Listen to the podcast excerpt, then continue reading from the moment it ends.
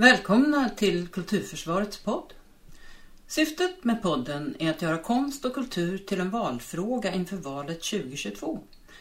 Jag som leder samtalet heter Ulla Bergsvedin, är frilansande skådespelerska, kulturdebattör och grundare av Kulturförsvaret. Varmt välkommen till dagens gäst, Johan Ehrenberg, författare, debattör och grundare av tidningen ETC. Tack för det. Vi ska också säga att det här är del ett av två delar i den här podden.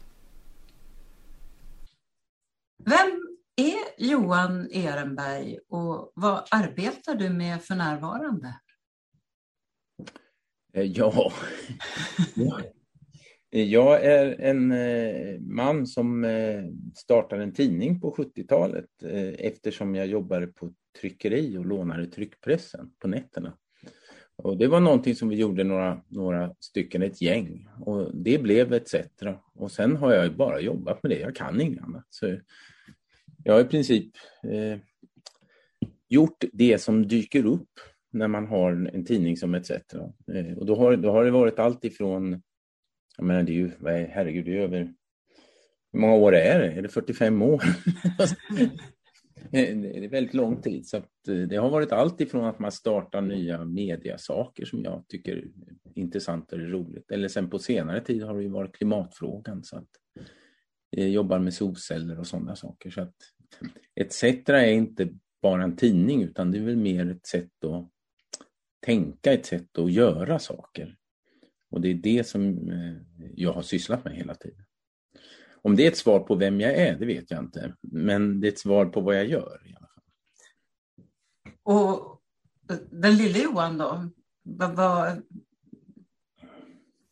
Nej, men jag, jag är en människa som väldigt en, drivs av att bara göra saker hela tiden. Jag har väldigt svårt att eh, inte... Jag gjorde faktiskt en gentest, vet, sån här som man kan göra med en läkare för att ta reda på olika saker om kroppen. Och, så. och då visar det sig att jag kan inte bryta ner någonting som talar om att jag är stressad. Mm. Så jag upptäcker inte att jag är stressad, för jag upplever inte att jag är stressad. Utan det är bara att fortsätta. Och det är inte så bra för det kan ju bli för mycket då. Eh, men det var rätt intressant att för folk brukar säga att liksom, ja, men, hur hinner du det? Hur orkar du det? Men det beror nog på att min kropp inte begriper att jag borde ta det lugnt ibland. Utan den tickar på ändå. Ah. Jag, att, ständ, att jag alltid gör saker, det är väl mm. det som folk som lär känna mig lite ytligt säger, att det är det som är jag. Liksom. Det kanske är mer ett behov? Ja, alltså det, man tänker ju när man gör saker. Mm. Eh, jag skriver ju för att lära mig saker. Jag skriver inte för att jag tycker jag har saker att berätta, utan jag skriver för att få saker att berätta eller Eh, själv fatta ekonomi, då skriver jag en ekonomibok eh, och så vidare. Så att göra saker, det är ju att, eh, tycker jag, begripa saker. Det är samma, jag bygger hus, ja, då lär, man, lär jag mig hur ett hus fungerar. Om jag inte bygger ett hus så kommer jag aldrig förstå det där. Så det är inte, det är väldigt mycket, när man gör en tidning så en berättelse berättelse, den fungerar ju inte om man inte kan göra hela berättelsen. Alltså man kan inte bara lämna en liten del, idén eller bara vissa formuleringar. Det måste ju vara en helhet och så måste det vara form och så måste det vara teknik som funkar så att det blir ju att göra saker även om det eh, avsikten var bara att göra en artikel. Så att eh, ja, så fungerar jag. Eh, jag har väldigt svårt att till exempel skriva en artikel och lämna till någon annan. Mm, men som läsare är det också intressant att eh, kunna läsa en artikel där den som har skrivit den faktiskt har tagit reda på en väldig massa saker som jag inte vet så att jag också får lära mig något. Ja, nackdelen är ju att den som skriver kan ju ta reda på väldigt dåliga saker som har misslyckats med uppdraget. Men självklart, det, det är väl roligt. Jag eh, gillar ju själv sådana texter, reflekterande texter som bygger på att man undersöker och tänker och undersöker. En av mina absoluta favoriter är Kalifatides Mm. Som i sitt berättande alltid återkommer till någonting som man tänker, vad är det här? Vänta, var kom den där berättelsen? Och så är det en berättelse om kunskap, om att leva och så vidare. nej, han är väldigt, väldigt duktig på, på att ta med sig i en berättelse som man lär sig med honom. Mm. Jag har precis uh, skaffat två böcker av honom som jag ska ha här nu i, i, i sommar och läsa. Mm. Mm. Var det så redan när du var barn?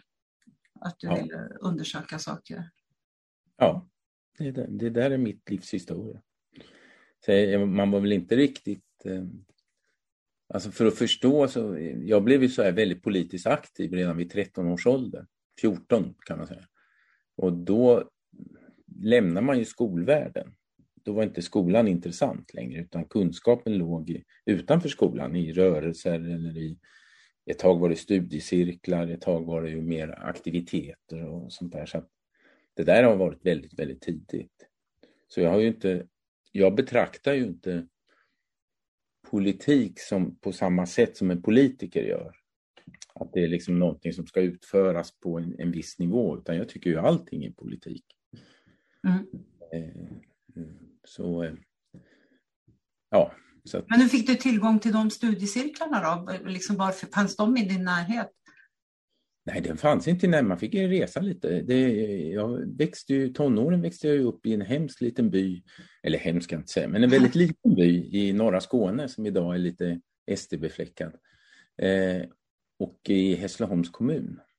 Och det är ju en, det är en liten ort, Hässleholm. Ja.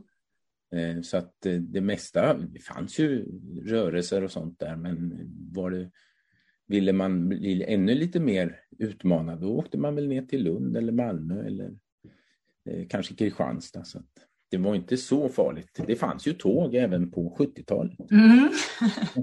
det kanske fanns mer tåg på 70-talet. Ja.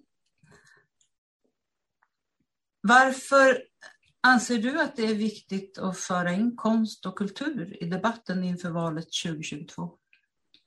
Jag tycker alltid det är viktigt. Jag tycker inte det är just inför det här valet mer än att man har börjat lite tydligare angripa det som är obehagligt med konst och kultur, nämligen att den kan göra människor kritiska. Eh, eh och då blir det i en period i samhället där vi jobbar snarare med förnekelser än diskuterar fakta, än diskuterar hoten, då blir ju konst och kultur också lite obehagligt. Speciellt den typen av konst och kultur som diskuterar samtiden på olika sätt. Så att eh, jag tycker inte det är konstigt att det sker, men eh, det finns ju en fara med... Jag har till exempel alltid sagt att jag vägrar göra kulturtidning. Jag är inte ett dugg intresserad av kulturtidningar, säger jag. Det är ju inte riktigt sant eftersom jag är väldigt intresserad av kultur. Men vad jag menar är att jag vill göra en masstidning. Jag vill göra en tidning som inte väljer ut en liten del som är intressant att diskutera med, utan vi ska kunna diskutera allihop. Eh, sen är ju det naturligtvis en svår nivå att nå, och nå alla. Men eh, att man inte redan från början bestämmer sig att det är någonting som är inriktat mot en mindre krets. Mm. Eh, och eh, det som jag tycker är bra kultur, eller bra kultur, det, det jag engageras av mm. Eh, inom konsten och det, kan, det ser inte jag som någonting smalt. Nej. Utan det kan vara, vara världens konstigaste ämne, världens konstigaste sådär man först hör det, men engagerar det så är det ju, är det ju allmängiltigt, självklart. Eh, han, och då får man ju, får ju kulturen och konsten en jäkla kraft. Mm om, när, när den kan bli sån att den bryter igenom och får eh, ja, reflektioner och, utanför det som liksom var den lilla, den lilla eh, rollen man kan ta på sig. Eh, så jag tycker att, eh, och därför gillar jag ju själv väldigt mycket kultur som är så här genreöverskridande. Mm. Alltså in, blanda musik och eh, ljudbok och eh, demonstration. Mm. Och eh, yxhuggande på kvällen. En, en så, det blir väldigt spännande. Än att det bara är, är en utav sakerna. Mm. Men det är bara, det är ju liksom, ja, det betyder ju inte att det inte finns andra som är bättre på att göra det mer koncentrerat. Det kan ju få finnas både och. Ja, det är ju det som är kul med kultur och, och att det, det, finns väldigt ofta både och. Mm. Så att, eh, sen kan man, men hotet mot det, det handlar om eh, rädslan för det kritiska tänkandet. Mm. Jag är helt övertygad om. Och det är därför det är viktigt att använda kulturen som ett sätt att eh, eh, provocera. Det är ju det fascister gör idag. Vi använder kulturen för att provocera, skapa lite rädsla, lite osäkerhet. Eh, inte för att ha en riktig diskussion om någonting.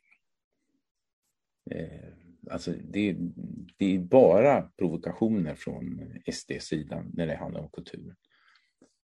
Eh, och det får de ju naturligtvis, har man ju all rätt att göra, men man måste ju de som inte är SD måste ju förstå vad det är som håller på att hända, vad det är man vill, vill åstadkomma med det.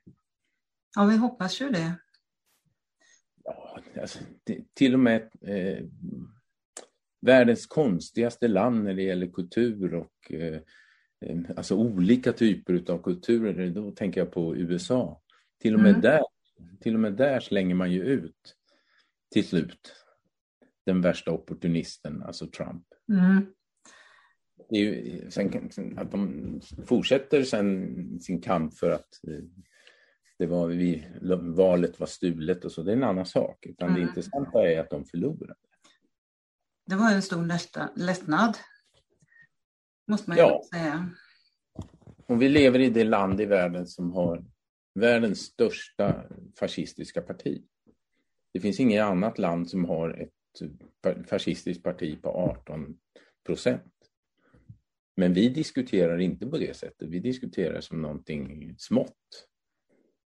Och det tycker jag är en, det är väl en väldigt stor fara. Ja, att vi håller på att ge det förskönande namn. Ja. Ja, men inte tar, det på all, tar avsikterna på allvar för att man vill inte tro att det ska vara på det. Men så kan det ju ändå inte vara. Herregud, det kan ju inte vara så att inte barn med föräldrar från eh, Mellanöstern ska kunna få läsa sagor på arabiska. Det är så illa kan det väl ändå inte... Jo, men det är precis så illa det är, för att det är det som provocerar. Biblioteken ska inte ha böcker på arabiska. Mm, precis.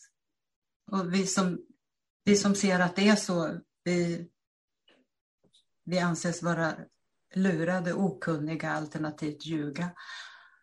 Ja, men framförallt så är, om man påpekar det när man tar sådana diskussioner, då blir man ju anklagad för att ljuga därför att då fortsätter ju den provokativa diskussionen. Då finns det ju inget faktamässigt att diskutera, utan då diskuterar man diskussionen. Just det. Och det är det absolut bästa sättet att slippa diskutera eh, det man egentligen håller på med. Ja, jag vet inte hur många artiklar jag har läst, i, om vi tar klimatfrågan, som bara handlar om människor som talar om att de inte får säga det de tycker i klimatfrågan. Mm. Det är mycket märkligt. De säger det hela tiden. Man förstår inte vem det är som är förtryckt i sammanhanget. Men... Utan det handlar nog mer om att det finns en liten desperation över att man har fel. Mm. Och det kan ju vara rätt intressant att tänka efter. Jag tänkte på Lena Andersson som ett exempel på en, en text som handlar om att man inte fick skriva det texten skrev. Nej, det är väldigt intressant att inleda med att tala om att man får inte... Det, det är väldigt många texter som, som låter så idag, tycker jag. Man får, inte, mm. man får inte säga vad man vill i det här jävla landet. Och sen kommer en lång drapa. Om allt som man inte får säga. Ja, precis. Det är den, det är den nya sortens satir. Ja. Det, skulle, om, det finns ju inslag i Monty Pythons eh, Life of Brian. Mm. Och, eh, som handlar om den här typen av diskussioner. Ja. Det, det, då, det, var ju satir då, trodde vi. Nej, jo. nu är det där. Det, obehagligt eh, igenkännbart. Mm. Du, ska vi eh, gå tillbaka ett bra tag i tiden? Um, du, du, har ju varit inne lite på det, men du, du är grafiker, blysättare tryckare i grunden och det ledde ju till att du fick möjligheter att utveckla ditt politiska intresse. Jag tycker det vore intressant om du berättade lite om arbetet där och, och vad du passar på att använda din arbetsplats till utanför arbetstid. För det är ändå en berättelse om hur eh, hur aktivism så att säga växte fram under den tiden. Ja, den var ju, det var ju inte unikt att man gjorde så, men det var kanske lite udda att det blev så stort som det vi, vi gjorde efter ett tag. Eh, jag brukar tänka att, att, att ha ett riktigt jobb eh, med, som handlar om att producera saker, i det här fallet det som jag älskade att producera. Jag valde ju yrket grafiker för att jag blev jätteintresserad av det här med att berätta med tryckt, eh, tryckta skrifter på olika sätt. Och blysätteri, det var ju mer för att kan man blysättning, då har man ju lärt sig grunden. Det är ju, mm. det, då, då, förstår man vad det är. Sen fortsatte ju den tekniska utvecklingen väldigt snabbt, så att jag lärde mig 14 olika yrken mm. på kanske fyra, fem år. Till slut, slut höll jag, mm, gick jag in i mörkrummet också, så jag höll på med sådana saker. Så att, eh, ja, sen kom datorn. Eh, men hela den utvecklingen, det som är intressant tycker jag, det är produktivkrafterna. Att har man tillgång till produktivkrafterna, alltså till en tryckpress mm. och en häftmaskin och en limbindningsmaskin och eh, mörkrum, då får man makt, för ordentlig makt över ordet. Mm. Eh, och det här var ju ett tryckeri med radikala människor som ägde, så de sa, jag sa, ja, men när jag har jobbat här så kan jag väl få låna tryckpressen på kvällen. Eller, och de andra grejerna. Eh, och vi var ju bara två som jobbade i tryckeriet, så det var liksom inte så, det var något problem egentligen. Och då började vi trycka eh, tidningen själva och det där höll vi på med i några år tills den blev för stor. För då kunde vi inte, då räckte inte nätterna till. Så att då var vi tvungna, det tog två år tror jag, sen var vi tvungna att lägga ut det på ett vanligt eh, tryckeri. Det var, det var ju lite konstigt. Man hade ett tryckeri som tryckte den egna produkten medan man själv stod och tryckte andras produkter. Eh, men makten över att få börja berätta och börja undersöka, det tycker jag kommer mycket i att man kunde göra någonting konkret av det mm. genom att ha kontroll över produktionskrafterna. Mm. Det där är ju lite annorlunda sätt att se på, man säger man startar en tidning uppifrån, att man mm. får en, en journalisthögskola eller något sånt där. Inget fel på det på något sätt, men det är, en, det är ett annat sätt att få eh, kontakt med eh, den makt som ordet egentligen innebär. Eh, då är man tvungen att gå via andra och mm. via andras makt. Men det behövde ju inte vi, utan vi, sen gick vi ut och när vi gjorde tidningen så gick vi ut och sålde den på gatorna. Mm. Och när den sålde tillräckligt mycket då var det så jävla jobbigt att gå ut på gatorna för att då fick man ha så mycket eh, lådor med sig. Så då kom vi på att det fanns något som hette kiosker. Och så kollade vi om de ville sälja. Ja, och sen blev, började det rulla. Det rullade hela tiden organiskt så att säga. Mm. Det var inte så, det fanns ingen affärsplan eller något sånt där. Jag tänker också, det där är också arbetarrörelsens tidigare, tycker jag fortfarande, fina devis kunskap ger makt. Ja. Och eh, ja, det är ju ett fantastiskt fint ord, eh, eller ord, fina ord, men eh, kunskap ger makt om man har makt att använda kunskapen. Mm. För att annars och förstånd blir... att använda den, om man säger ja. så. Ja. Nej, så res, resan från blysätteri till eh, liksom den stora eh, tidningen som idag är digital och så vidare. Det, det, är, det är en produktionsresa hela vägen. Sen är det eh, andra människor. Jag är inte lika engagerad i tidningarna längre. Och det är ju för att jag fick så mycket annat att göra. Mm. Du eh, har sagt ungefär så här, kommer vi tillbaka till det här med det så kallade kulturkriget. att eh, de som inte är professionellt aktiva inom konst eller kultur eller inte tänker att de är aktiva inom konst och kultur alls, fast de är det utan att vara medvetna om det, inte får någon förklaring vad det här så kallade kulturkriget innebär och därför heller inte inser att de deltar och gör val. Kan du utveckla det? Det är ju... vi, vi diskuterar kultur och konst som någonting separat, som någonting som eh, eh, antingen är man med i det eller inte. Men för mig är det så att alla är med i kulturen. Eh, på något sätt konsumerar du det vi kallar kultur, men du kritiserar också annan kultur genom att du inte väljer den eller du har fördomar om den eller, och så vidare. Så att kulturen är, alla är ju kulturkonsumenter. Mm. Även om du tror själv att du bara tittar på hockey, men det gör du mm. inte. Du tittar på färger, du tittar på det, du tittar på... Det är mycket som händer eh, i, i hockeyvärlden som också är kultur.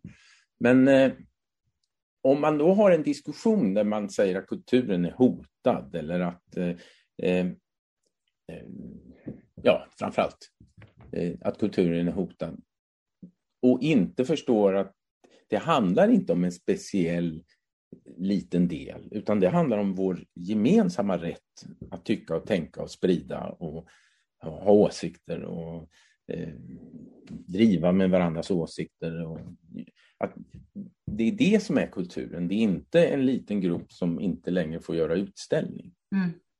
Eller eh, en prideflagga som inte får hänga eh, på kommunhuset. Mm. Det, det är ju de här provokationerna som vi pratar om som är till för att göra människor oroliga och rädda och pressa och, och eh, ska vi säga, till, till en likformighet för kulturen. Det är ju det man är ute efter mm. från fascistiskt håll. Men eh, de, om vi inte kan, som är då aktivister och på sätt agerar i den här frågan, om vi inte kan för, för förklara att det handlar inte om prideflaggan. Mm. Det, det är illa nog, det är klart mm. att den ska utan det, det handlar om eh, rätten att titta på Marvel Universe. Mm. Det handlar om rätten att sitta och spela dataspel. Det handlar mm. om allting som har, det är kultur. Och det, det tycker jag det är svårt. Vi är dåliga på det. Vi hamnar gärna i att vi diskuterar eh, det här exemplet och den gruppen eller den speciella yttringen som nu är hotad. Men det är inte så, utan hotet är ju mot ja, mänskliga rättigheter egentligen som, som ju kultur är. Mm. Du har också sagt att du inte tror på politiken som ideologi längre. Du tror inte att det går att påverka politiker, så du tycker att vi istället ska göra förändring själva. Du har ju också varit inne på det. Du är väldigt engagerad i miljöfrågan och har själv startat ett antal bolag med miljöinriktning. Så berätta hur du tänker där. Det är inte, inte riktigt så att ideologin har jag inga problem med. Ideologin lever mer än den någonsin har gjort. Däremot tror jag inte politisk förändring handlar om att debattera en ideologi med ett politikersystem som vi har idag. Utan ska man påverka politiken så handlar det inte om att ha bättre idéer om, för de idéerna har vi redan. De finns alla goda idéer om hur vi ska rädda världen och sånt.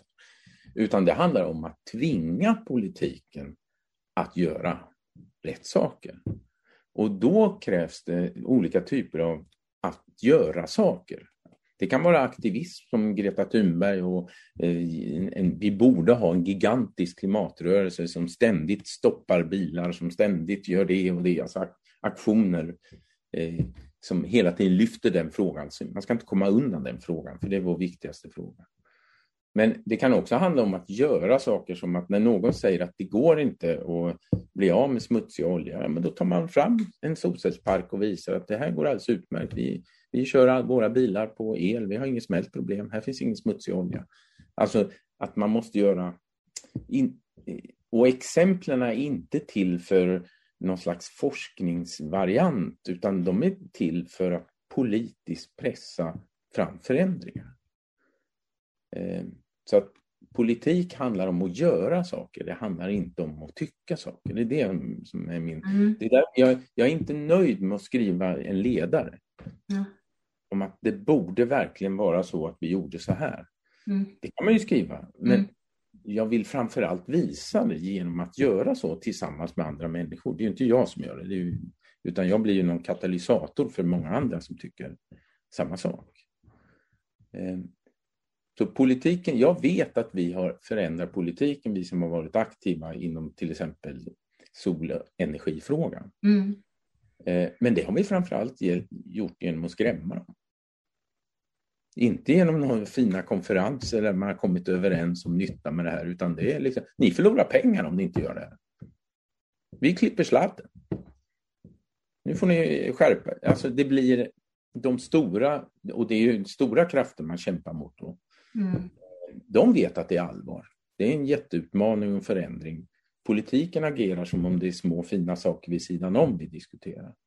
Ja, då måste politiken bli rädd om det ska hända någonting. Och med politiken menar jag inte egentligen partierna utan jag menar hela apparaten. Mm. Eh, kommunapparaten, statsapparaten eh, och så vidare.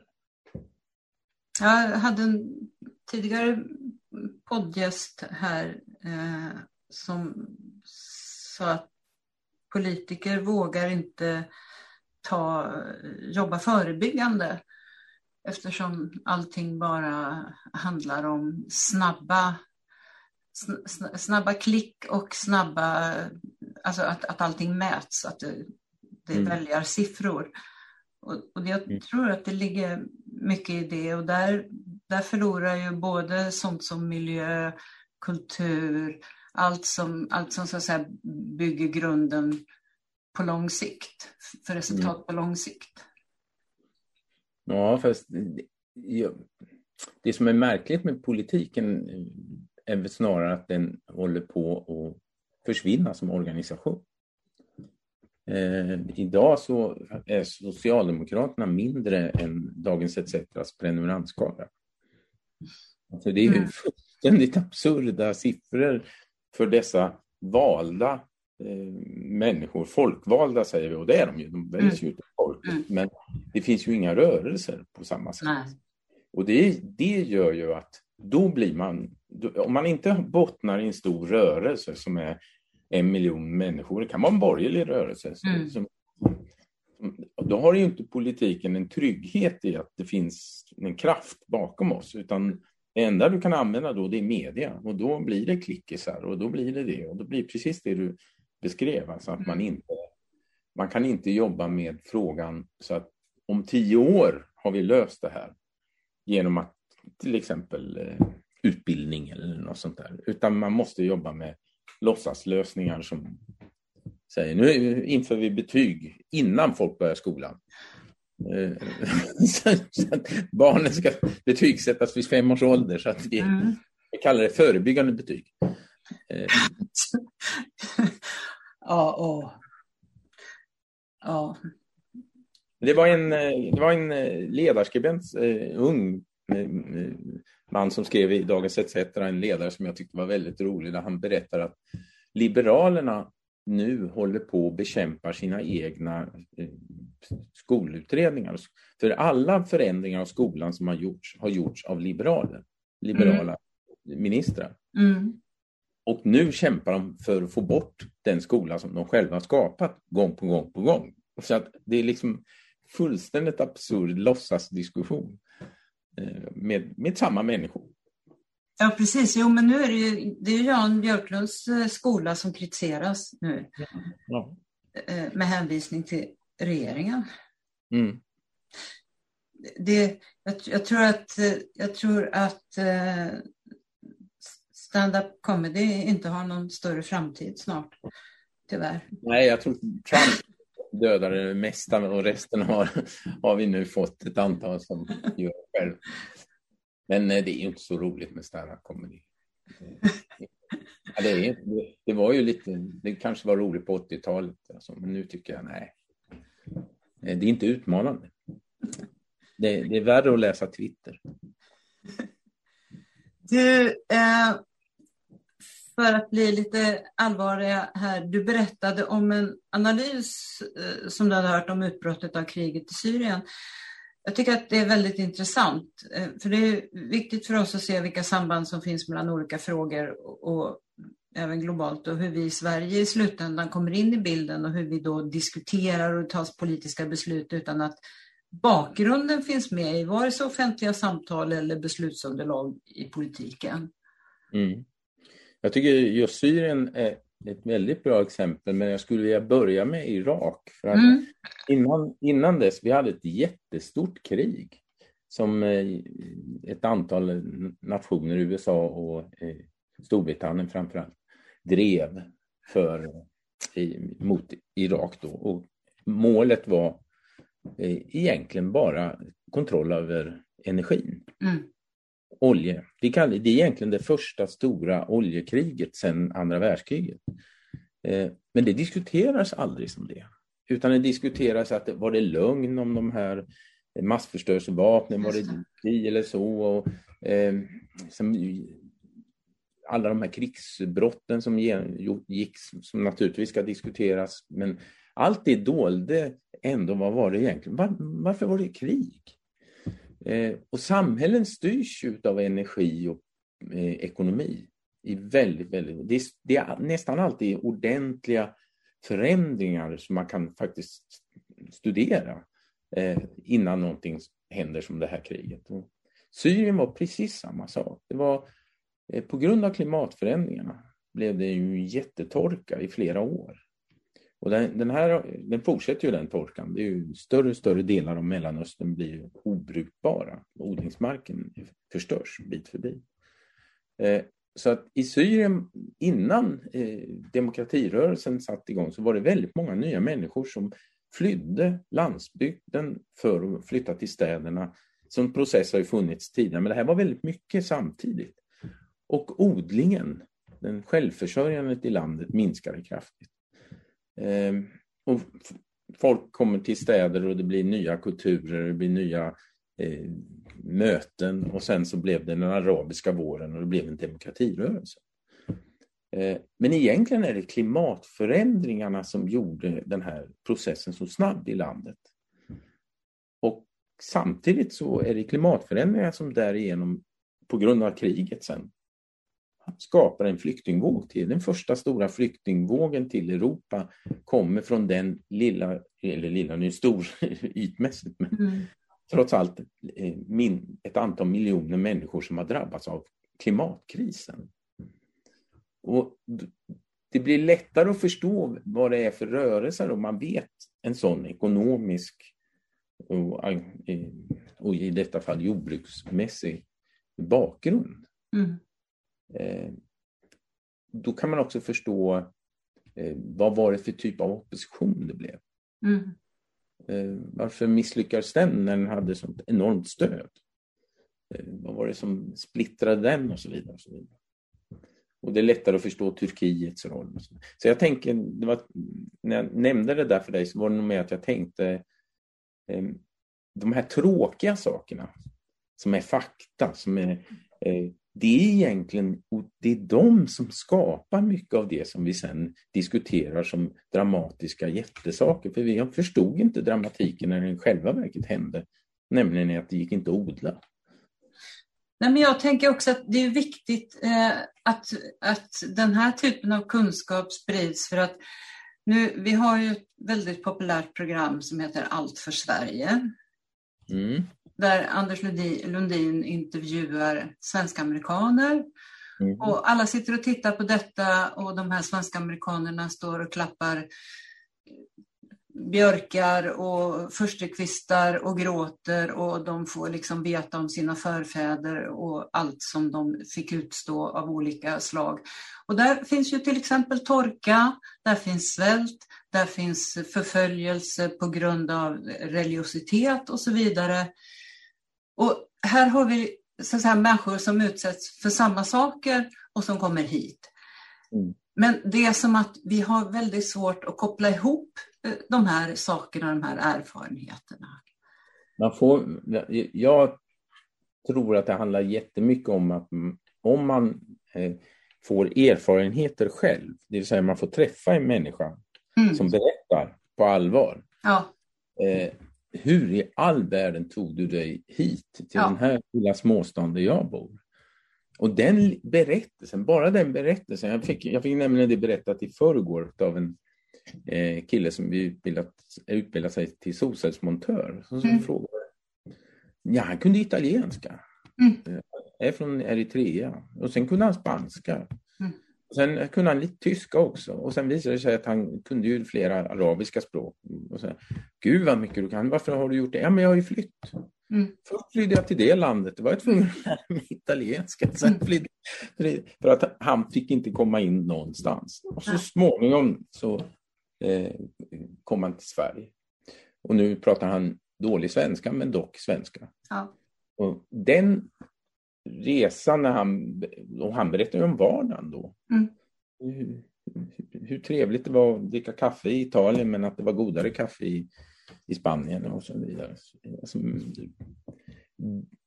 hans berättelse blir berättelsen om Eritrea och eh, flykten från Eritrea. Men det blir också väldigt spännande när man följer hur det går till.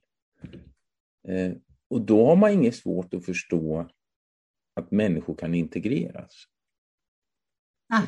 Det, heter. Det, är, det är ju obegripligt att det skulle gå att integrera om man bara står vid sidan om och ser en annan grupp människor som kommer till en stad och eh, har andra kläder på sig och säger men det här går inte. Det går alldeles utmärkt. Och det vet vi ju eftersom vi har i Sverige haft en invandring sedan 60-talet. Ja. Och eh, alla gånger, alla grupper har vi alltid mötts med svaret det här kommer aldrig gå.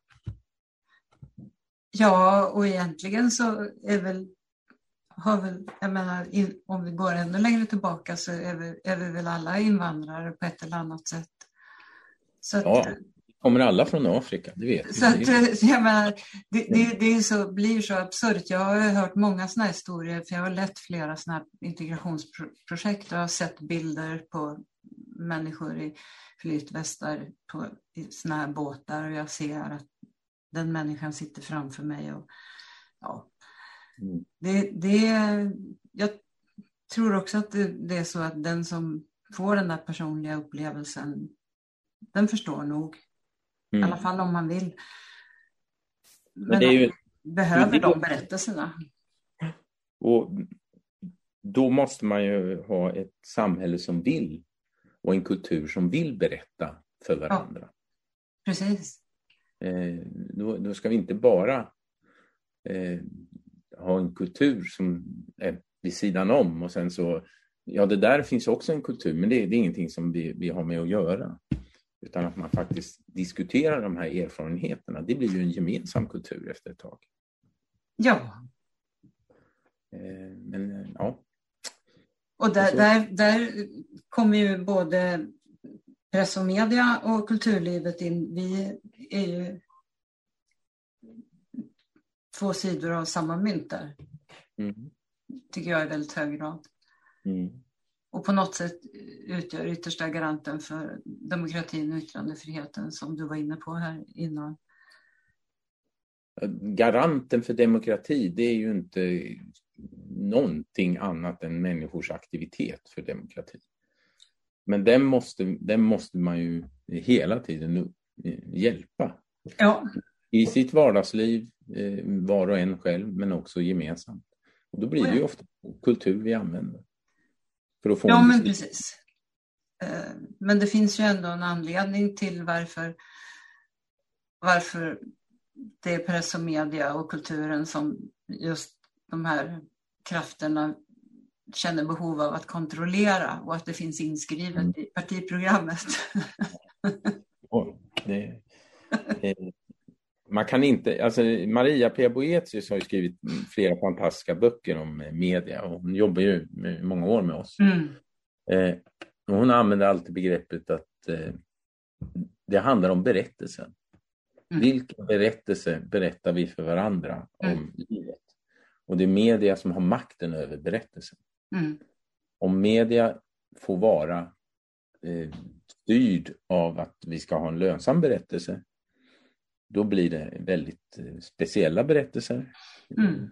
som är lönsamma att köra och media styrs av eh, någon ideologisk fostran. Då blir det den typen av berättelser väldigt farligt, väldigt obehagligt, lögnaktigt naturligtvis. Eh, eller också drivs media av en berättelse för människor som vill ha ett inflytande och en kamp. Alltså, en motmedia som säger emot. Det är en helt annan berättelse, fast alla berättar samma sak. Alltså samma grundfakta. Mm. I, i, vårt, I vår akuta situation, klimatfrågan, eh, kanske tidigare väldigt mycket massarbetslösheten var ju en väldigt stor fråga som diskuterades. Men berättelserna om det var ju helt olika. Mm. Beroende på avsikten med det mediet. Mm. Och det är väl en ganska... Eh, vi, när man säger... Vi, jag tror vi förstör för oss själva om vi säger media bara. Jo, självklart. Vi måste säga vilka media. Oh ja. För att det, det är en otrolig skillnad på avsikten. Absolut. Eh, det är ju inte, det är ju inte en slump att en tidning som Dagens Industri, som är en extremt marknadsliberal tidning, mm driver så hårt för att eh, SD ska accepteras. Nej. Och det är inte för att de egentligen tycker att SD har rätt, utan det är därför att deras avsikt med tidningen är att få borgerlig regering. Mm. För det gillar näringslivet och det här är en näringslivstidning. Självklart.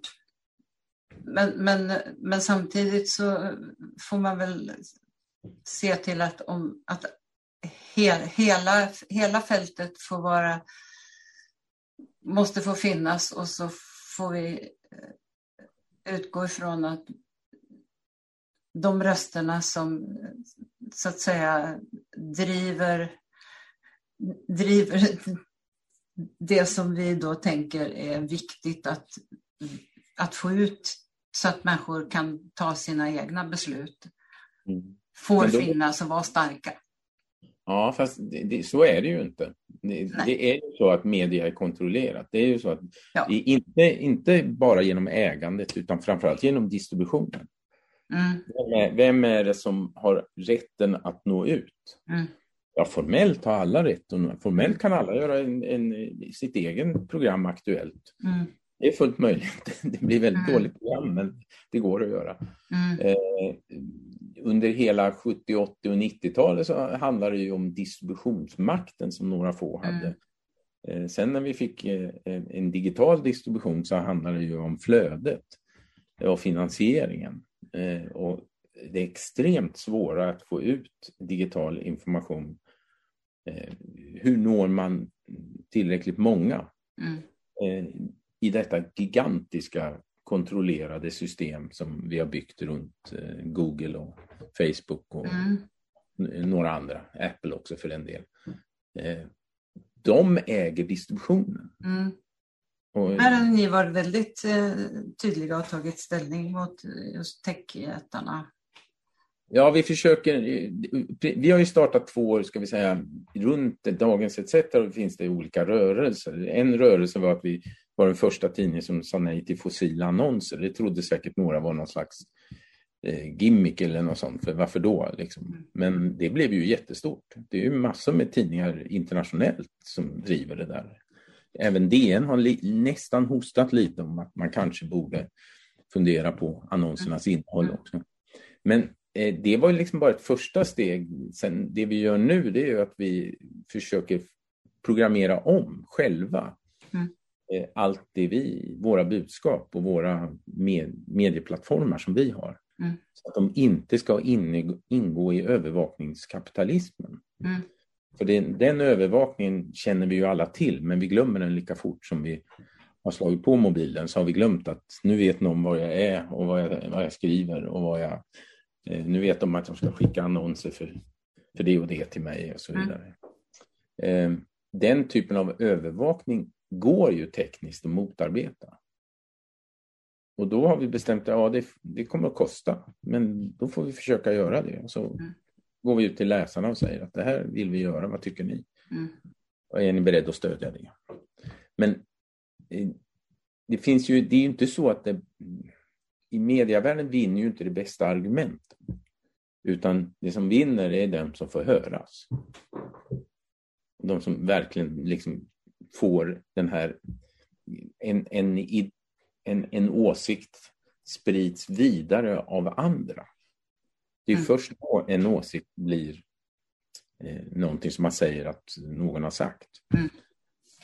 Eh, så att eh, vem är det då som styr vad som, stå, vad som blir stort eller inte? Ja, det vet vi ju idag. Vi vet ju att du kan skapa en folkstorm bara med ett Facebook-konto. Ja. Och där har ju även Säpo engagerat sig. Ja, men inte alltid åt rätt håll. men det, så fort man tar upp det som en nationell vad heter det, säkerhetsfråga, mm. då reagerar ju även de som tycker sig ha industrihemligheter och annat som gör att eh, vi ska... Men om man säger att det är en demokratifråga, då är det inte speciellt intressant. Och demokratifrågan tror jag är viktigare än den nationella säkerhetsfrågan. Ja, men just inför, eh, inför valet har det väl ändå sagts att man ska försöka se till att inte det sker någon otillbörlig påverkan från andra länder. Ja, det, det säger man. Ja. Vi får väl se. Men eh, jag är lika orolig över den otillbörliga påverkan inom landet. Absolut, alltså, hela tiden. Det här att vissa frågor som vi vet är de viktiga inte diskuteras och inte lyfts upp därför att man håller på med saker som faktiskt är lite grann ja, sidospår mm. politiken. Eh, vad är, vad är det som är politiken? Vi, vi, nu sysslar jag jättemycket med klimatfrågan, men eh, det kommer en utredning om någonting, så rapporteras den utredningen. Sen är frågan klar. Ja, men vi har inte gjort något. Mm. Det, är, det är fortfarande lika mycket, eh, utsläppen ökar i Sverige. De minskar inte, de ökar. Ja, det, det har, men vi har ju tagit fram en plan. Ja, det blir lite Sickan över allting. Jag har en plan. Mm. Jönsson. Jo, det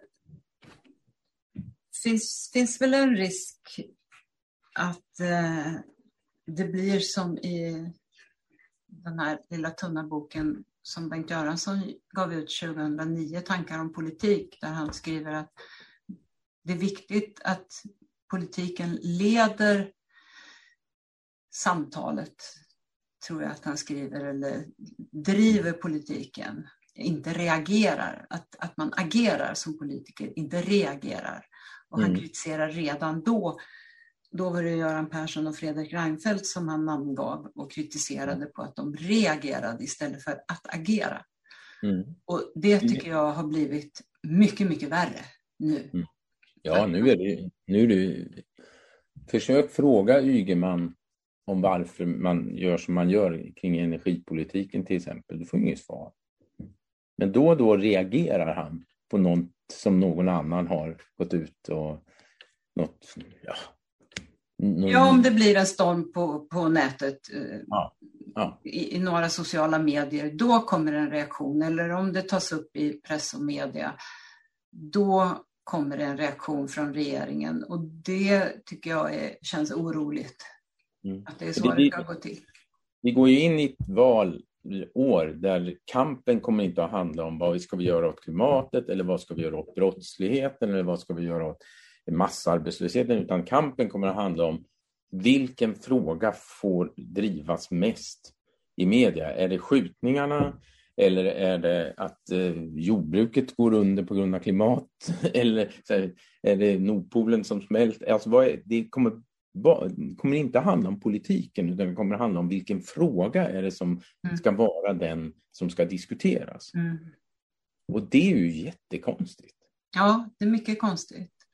Man gör en mätning och ser eh, vad, vilken fråga verkar intressera mest och då har man frågat 2000 11 personer i bästa fall, annars 1002 personer och då vet vi inte ens i vilket område man har varit och frågat och hur väljarsympatierna ser ut där. Och man har också låtit bli att fråga folk över 67 år. Och det är en mm. massa konstiga parametrar som det är, känner ingen tilltro till de här undersökningarna alls. Nej, det gör inte jag heller. Men eh, om du pratar opinion och framförallt sådana här trendundersökningar, det tror jag inte på. Och där avslutar vi del ett av den här podden som alltså ges i två delar. Tack så mycket Johan. Tack för det. I nästa del kommer vi att tala om pressfriheten, om ETCetras satsning mot högerpopulismen. Vi kommer också att tala om ditt uppmärksammade reportage Könsbytet som du skrev på 80-talet och om eh, dina tankar kring det och eh, om debatten idag. Välkomna att lyssna då.